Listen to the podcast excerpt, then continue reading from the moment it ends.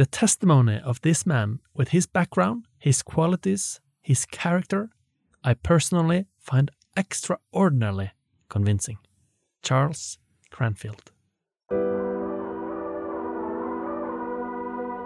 I denne podkastserien undersøker vi da Jørn Lier Horst har kalt historiens største cold case, nemlig Jesu oppstandelse.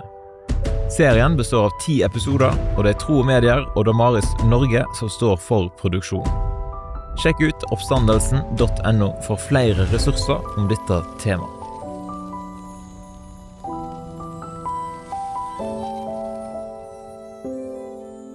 Dette skriver du altså i avhandlingen din, Tor.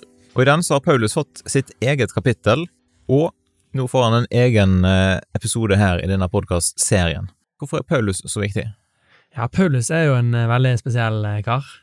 Han er nok kanskje den som har betydd nest mest i Europas historie. Kanskje tre eller fjerde eller femteplass, i hvert fall topp fem, da. eh, og, og hans sitt eh, vitnesbyrd, eller dette faktaet, er så spesielt i seg sjøl at jeg valgte å la det være et eget faktum. da. For det kunne kommet under faktum tre, at mange mennesker opplevde visninger av han, for det gjorde jo da også Paulus, da. Og Paulus var en av de største forfølgerne mot den kristne troen, da. Han ønsket å stoppe kristendommens spredning, og så opplever han på en av hans reiser, når han er på vei til Damaskus for å fenge, fange og fengsle kristne, så opplever han at et veldig sterkt lys stråler foran ham, og at Jesus eh, viser seg foran og taler til han. Og det forandrer Paulus sitt liv totalt, der han går fra å være en stor forfølger til å bli kanskje den største etterfølger som vi noen gang har Eller i hvert fall den som har satt mest spor for den kristne troen i historien, og den største misjonæren noensinne.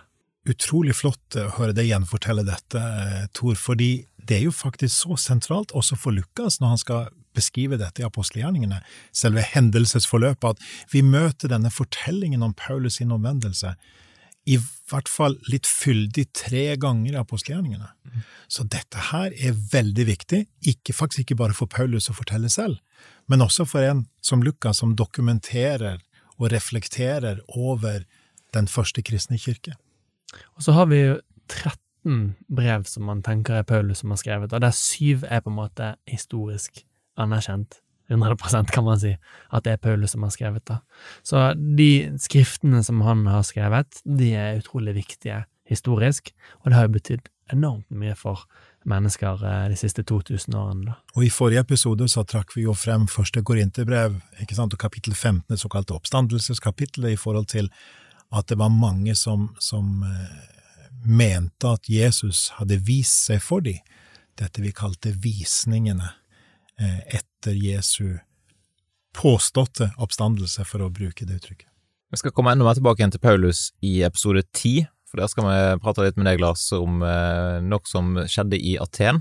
For du, Lars, er jo en litt sånn Paulus-ekspert, går ikke an å si det? Du er ekspertkommentator her.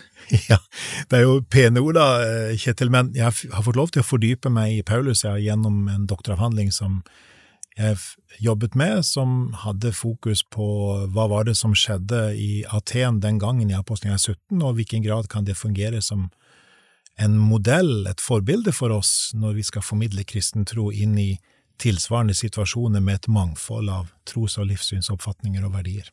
Kan du ta oss enda et steg tilbake, altså Paulus eh, som person, hvem var han? Eh, Tor omtalte han som en som var forfølger av de kristne. Han var jøde, han var uh, utdanna i en rabbinsk tradisjon. Han hadde studert under fremragende læremestere, det står nevnt om Gamalier, for eksempel, uh, som var en av de virkelig store rabbinerne den gangen. Han hadde opplagt svært mye kunnskap uh, om den jødiske tro. Det var jo derfor også han han ble en, en, kraftig forfølger fordi han mente at ingen skulle få lov til å si at de var Messias. Han, eh, han, han ønsket ikke å gi plass til en sånn type fortelling, men ønsket å forfølge de som hevdet at Jesus eh, var det. Eh, så, så han, vi kan knytte hans historie sant, til at han var fra Tarsus. Eh, han var faktisk romersk borger, og det er en interessant sak. Han hadde altså rettigheter som ikke alle andre hadde. Eh, han var jøde, han var skriftlærd, og han var da en ledende eh, militant, vil jeg si, ikke sant? Altså en, en, en sånn voldsperson som gikk ut og arresterte. Eh, og det er klart, når vi da ser hele det bakteppet der, og så, så det som Thor jo helt riktig sa, at han i dag er kjent som den største kristne tenkeren, kanskje, noen gang. Den, den, en av de absolutt fremste blant de første kristne ledende, ved siden av Peter og, og, og andre. Så da, hva var det som gjorde at det skjedde en endring i hans liv? Det blir jo det store spørsmålet. Ja, for hva, hva hadde Paulus å vinne på å, å endre livssynet sitt på den måten der? Ingenting.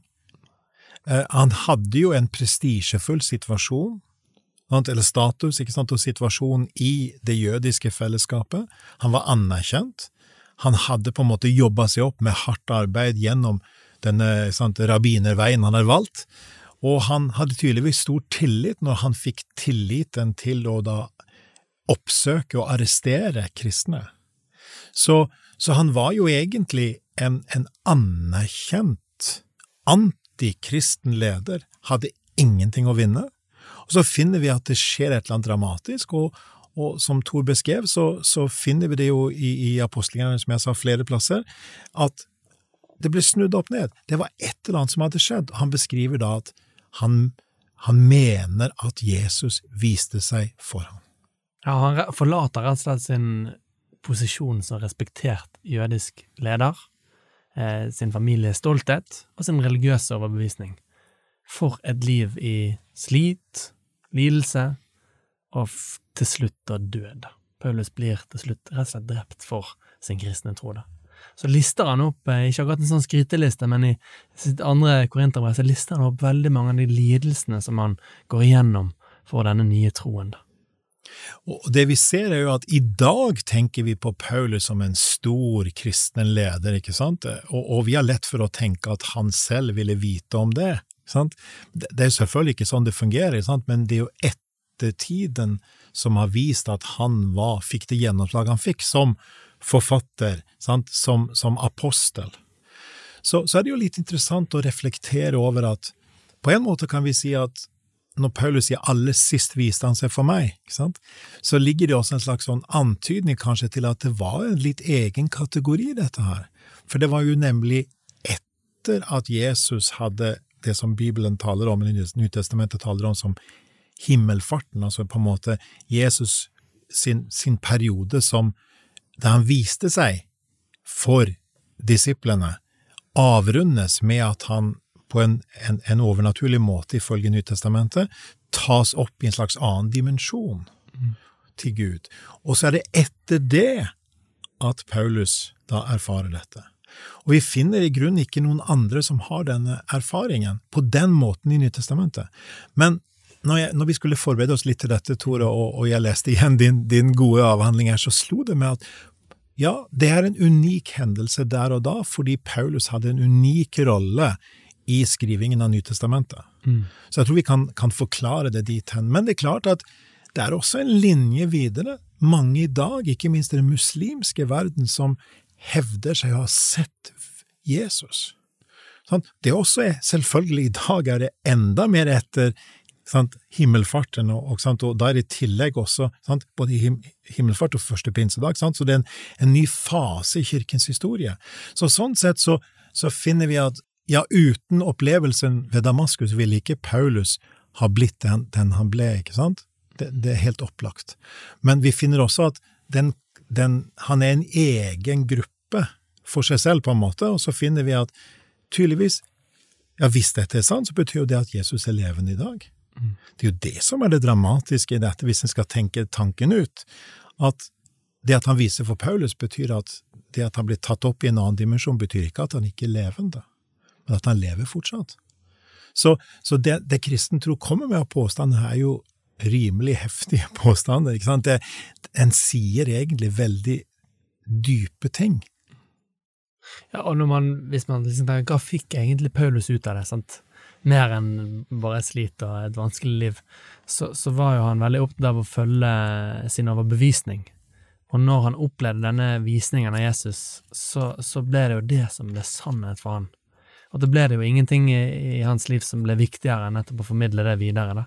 Så han opplevde nok en veldig mening med å, å stå i all turbulensen og, og sånne ting. da. Et veldig meningsfylt liv må det ha opplevdes for han, å få den store oppgaven av Jesus å formidle det. da. Og så ga det nok også et enormt håp, da. Mm.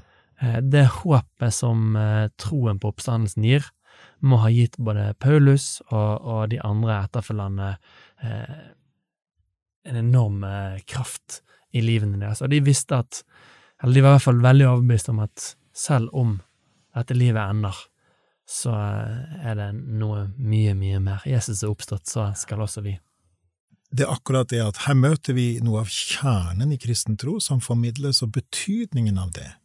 Og det er jo apostelgjerningen som jeg særlig har sett på i mitt arbeid, og, og da ser jeg gang på gang så møter budskapet om oppstandelsen, særlig fra Paulus, men også fra de andre, møter jo motstand.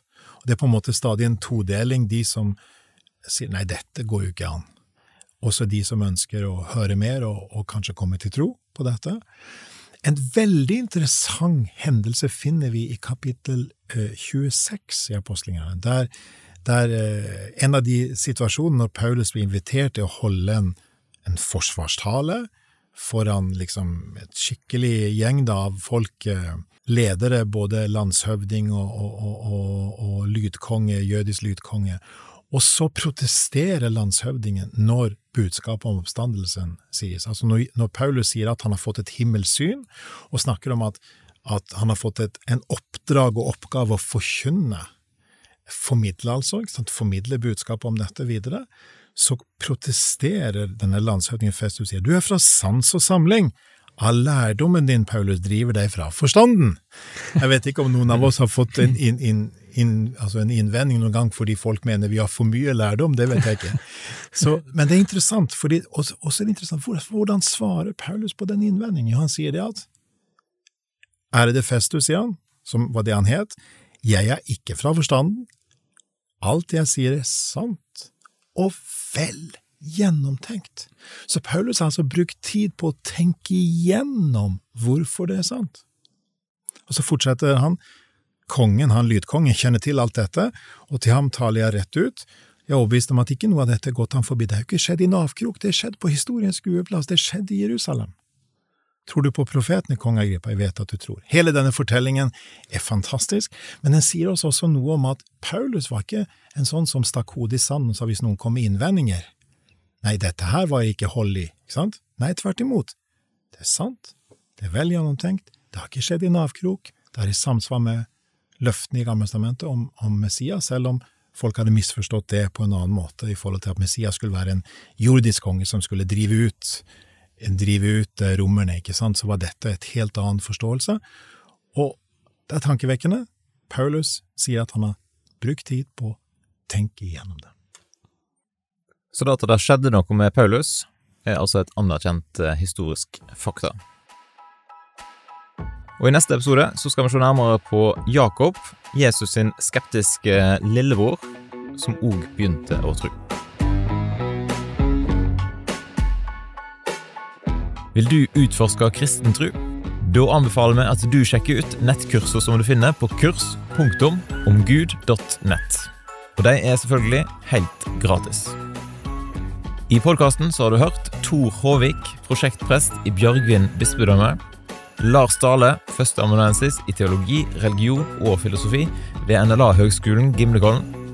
Og Kjetil Fyllingen, leder for omgud.nett i tro og medier.